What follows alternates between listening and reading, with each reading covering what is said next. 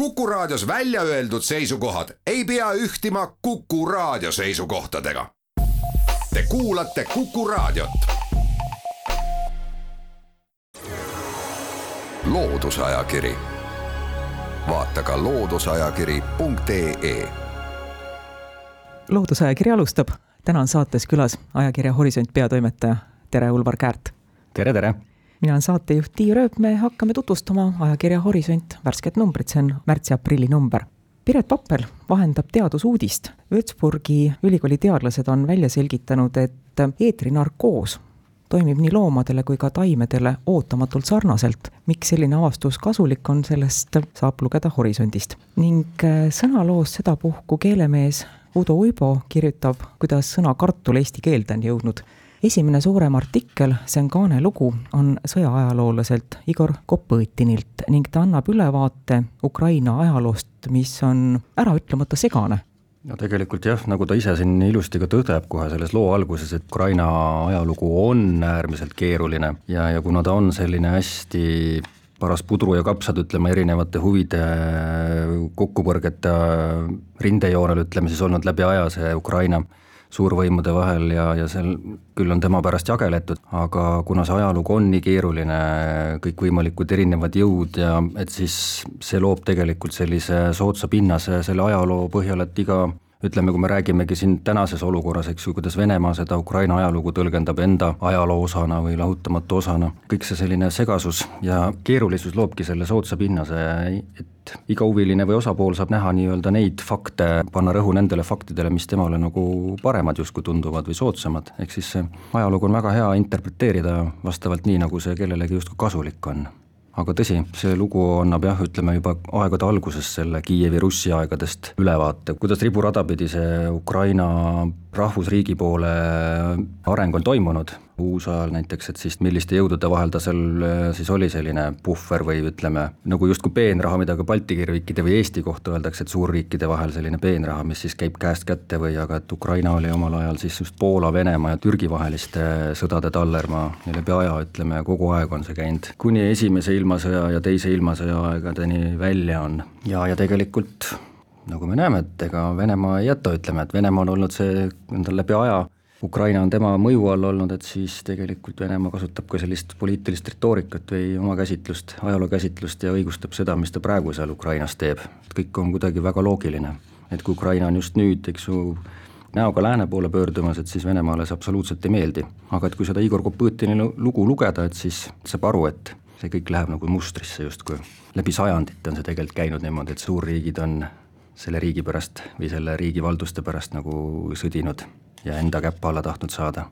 kui me leidsime ajakirja Horisont värsket numbrit edasi, jõuame intervjuu juurde. Horisondi toimetaja Helen Rohtmets-Aasa rääkis Tartu Ülikooli Kliinikumi vähikeskuse juhi Lenne-Triin Kõrgveega. siit saab näiteks selgeks, milleks on loodud Tartu Ülikooli Kliinikumi vähikeskus ja millega see tegeleb. sellest intervjuust mina tõstaks esile ühe asja, mis kurvastas. On väga tore, et meil kutsutakse inimesi sõeluuringule, aga see, et äh, Lenne-Triin Kõrgvee pidi tõdema, et sõeluuringutele kutsututest viiskümmend protsenti vastab kutsele ja võtab osa sõeluuringust, me võiksime olla oma tervise suhtes tähelepanelikumad jah, eks selle vähk on ka selline salakaval haigus tegelikult, et äh, nii palju ka mina, ütleme, oma tutvusringkonnas tean, kes on sellega kimpus olnud, et ega eestlane vist on ka selline siiamaani veel üsna konservatiivne meditsiini suhtes, et kui ei ole just kuskilt ei valuta või elamist ei sega, et siis kuskile arsti juurde ka ei minda, et eks see sõeluuring tundub ka selline, et mul on enesetunne hea ja et mis sinna ikka minna siis, et mul ei valuta kuskilt ja kõik jäsemed on ka veel alles ja aga tõsi jah, et tegelikult, et see on üks lihtne meetod, aga mis tegelikult viibki selleni, et nagu Eestis ka ütleme, see statistika näitab, et äh, enamikud vähijuhtumid, see on üks peamine põhjus, et miks vähi avastatakse alles siis, kui on juba liiga hilja, et enam ei ole praktiliselt midagi teha aga mis siit ka minule näiteks sellest äh, oli mõtlemapanev asi, sellest intervjuust ka väga nagu silma torkas, oli, et äh, oli just see, et vähk kui üldse ühiskonnas laiemalt on esinemissagedus äh, suurenenud ja mida siis ütleme, üldises plaanis seostatakse sellega, et ühiskond lihtsalt vananeb, et meil on eakaid rohkem ja, ja see on selline justkui ealine iseärasus, ikkagi kuhu ei saa seda võrdusmärki tuua ikkagi, et on ka see, et teadmata põhjustel vähi esinemissagedus on tõusuteel ka lastel, see on siis kuskil poole protsendi jagu aastas. miks, seda me ei tea aga jah, tegelikult nagu ka sellest äh, intervjuust välja tuleb siis, siis nelikümmend protsenti ehk pea pooled vähijuhtumid on tegelikult äh, ennetatavad meditsiinilises vaates. kõik taandub tegelikult ikkagi elustiilile, see, kuidas me elame, kas me suitsetame, kas me liigume, kas meil on ülekaal, mida me sööme, kui palju me alkoholi tarbime, et see kõik tegelikult äh, mõjutab seda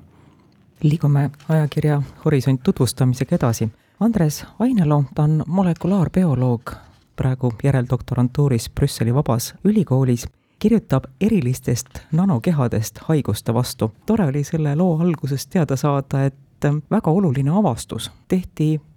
jälle täiesti poolkogemata. lihtsalt kaameli verd oli üle ja üks õppejõud arvas, et las üliõpilased uurivad seda veidi jah, tegelikult, et äh, see on ju see teaduse võlu ja valu või mõnes mõttes, et uurides midagi muud või tehes midagi muud, tehakse hoopiski sensatsiooniline avastus näiteks. aga jah, et ütleme, need kaamelaste verest leitud siis tollel avastushetkel leiti, et lisaks nendele suurematele antikehadele või valkudele, mis siis äh, inimese sellised ründerelvad on justkui igasuguste võõrkehade suhtes, mis on organismi sattunud, on need siis viirused või, või, või muud tegelased, aga, aga leiti, et on mingisugused nendest tavapärastest antikehadest veel väiksemad kehakesed on olemas olemas. Ja, ja tuleb välja, et need on tõesti sellised väga, väga kavalad tegelased, seda meetodit ka veel alles arendatakse, eks ju, et kuna need valgud on sellised väga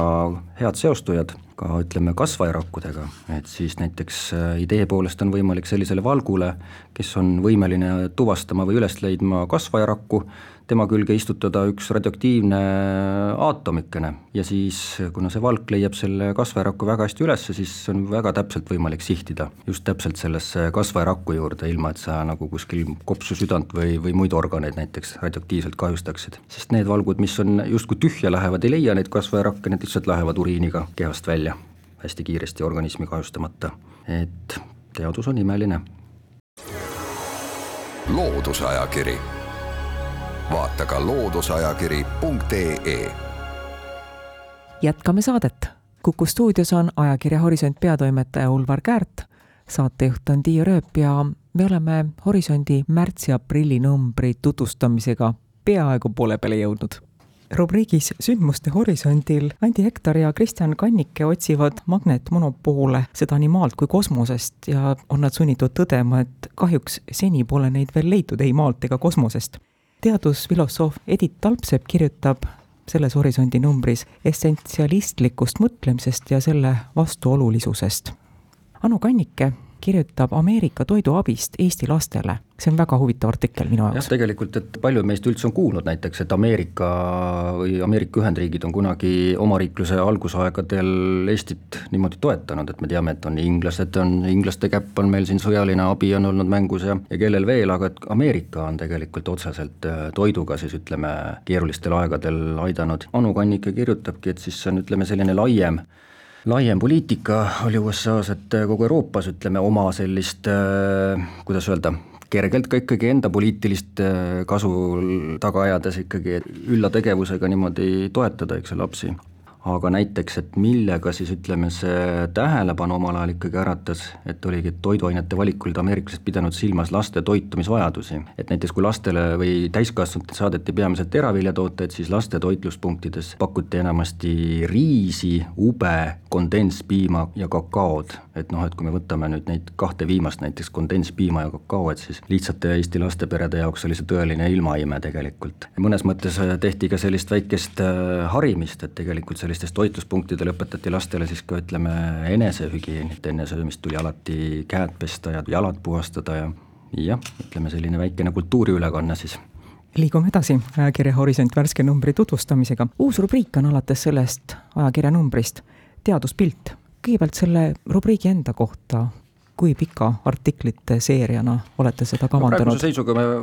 vist tundub, et on äh, autoritele, kes siin ütleme, erinevad autorid, kes peaks hakkama siis ütleme, selliseid tähelepanuväärsemaid äh, teaduse ja kunsti selliseid kokkupuutepunkte või selliseid märgilisemaid äh, seoseid, ütleme, lahti kirjutama, on kuskil aasta jagu, ütleme, et siis kuus lugu võiks nüüd tulla või viis lugu võiks veel tulla. aga jah, et see sari on nagu siis koostöös Eesti Kunstimuuseumi, Eesti Kunstiakadeemia, Tartu Ülikooli muuseumi projekti raames on ta on meil nüüd sündinud et kunst või teadus, et siis äh, selle käigus avastatud Eesti kunsti ja teaduse ajaloo põnevamaid põiminguid ongi plaanis tutvustama hakata, aga alustuseks jah, ütleme selline üldisem lugu, et see et see tegelikult selles sarjas me vaatamegi, et kuidas on siis kunst mõjutanud teadust ja sellist äh, aidanud, ütleme, läbi aja inimestel mõista seda maailma omal moel. selle Horisondi kaane teemaks on Ukraina ajalugu, aga Eesti ajaloos on üks kuupäev, kaheteistkümnes märts tuhat üheksasada kolmkümmend neli, mis on oluline ja millest võib-olla päris põhjalikult kõike taustu ja tagamaid ei teatagi aga Tartu Ülikooli Eesti ajaloo dotsent Ago Pajur kirjutab sellest täpsemalt. See kaksteist märts, mida siis on nimetatud nii sõjaväelaseks riigipöördeks kui lihtsalt riigipöördeks, siis juhatas sisse meil Pätsu-aegse sellise vaikiva ajastu, aga noh, see on kahtlemata üks intrigeerivamaid episoode, mis on siis samamoodi põhjustanud läbi aja ja põhjustab ka ilmselt edaspidi veel ajaloolaste, Eesti ajaloo uurijate seas selliseid vaidlusi. Aga ütleme, Ago Pajur on teinud sellise kainema, ütleme, sündmuste ülevaate nendest, et et jah, et tegelikult ütleme ka need mõisted, kui me räägime sellest kaheteistkümnenda märtsi sündmusest või on siis ütleme, ajalookirjanduses on seda nimetatud nii riigipöördeks, aga vahel ka sõjaväeliseks riigipöördeks, et õiguslikult vaadates on nagu mõlemad terminid kaheldavad, aga siin ongi just see, et äh, noh, et justkui põhiseaduslikult oli, tollal olid ikkagi sellised võimalused olemas näiteks, et mida Päts ja Laidoner äh, kavalalt ära kasutasid vapside tasalülitamiseks ja siis ütleme, vaikselt sellise autoritaarse võimu kehtestamisel, et ikkagi põhiseadus sellised kaitseseisukorra kehtestamise, üleriigilise kaitseseisukorra kehtestamise võimalused olemas. Aga samas jah, et ka kuna sellises, selle pöördemomendil või selle sündmuse käigus kutsuti appi ka ikkagi kaitseväelasi, et siis see annab ka sellise justkui nii ja naa mõttest, et kas ta siis ikkagi oli selline sõjaväelane või ka ei olnud, aga nagu tegelikult ka Ago Pajur ütlebki, et tegelikult see kaksteist märts ei olnud kohe nagu selline pööre vaikivasse ajastusse, vaid et mida aeg edasi, et seda hakati siis järjest hakati kruvisid kinni keerama. leidsime ajakirja Horisont värsket numbrit edasi akadeemik Elmo Tempel tutvustab järgmise põlvkonna kosmosevaatlusseadet, tema mitmeleheküljeline artikkel on maiuspala kõigile kosmosetehnoloogia huvilistele. Igatahes, et äärmiselt põnev uurimisriist tegelikult, mis on teadlastel alles tegemisel ja mille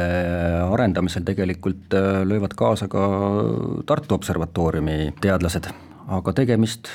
teleskoop nimega Formost, mida on Euroopa Lõunaobservatoorium püstitamas või, või üles seadmas Tšiilis Paranali mäe otsas asuva Vista teleskoobi külge. Et mille poolest ta selline eriline on, et see on teleskoop, millega siis ütleme, hakatakse uurima seni mis on, ütleme siis varasemate kosmoseteleskoopide või maa pealt kaardistatud põnevate miljonite ja kümnete miljonite objektide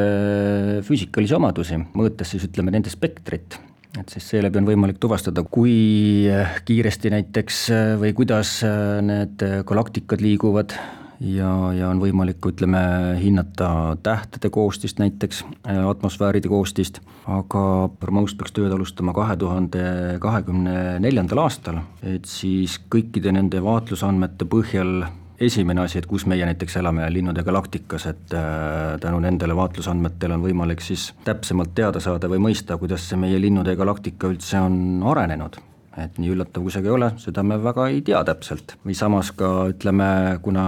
sellise spektraalse kosmosesilmaga on võimalik siis hästi kosmiliste objektide liikumist uurida või teada saada, et siis seeläbi on jälle omakorda võimalik paremini mõista seda ka kogu seda suurt universumit ja, ja ütleme ka selle paisumiskiirust, et kui kiiresti ta siis paisub ja mis siis ütleme seda, mida seostatakse seda universumi koostisosas salapärane tume energia, et kui suur on siis selle osakaal selles universumis ja universumi paisumises. äärmiselt sellised suured küsimused, millele hakatakse selle teleskoobi abil siis vastuseid otsima et äärmiselt põnev sellega oleme andnud üldise ülevaate värske Horisondi numbri teemadest. aitäh, Ulvar Käärt, külla tulemast! aitäh! aitäh kõigile kuulajatele, jälle kuulmiseni! loodusajakiri, vaata ka looduseajakiri.ee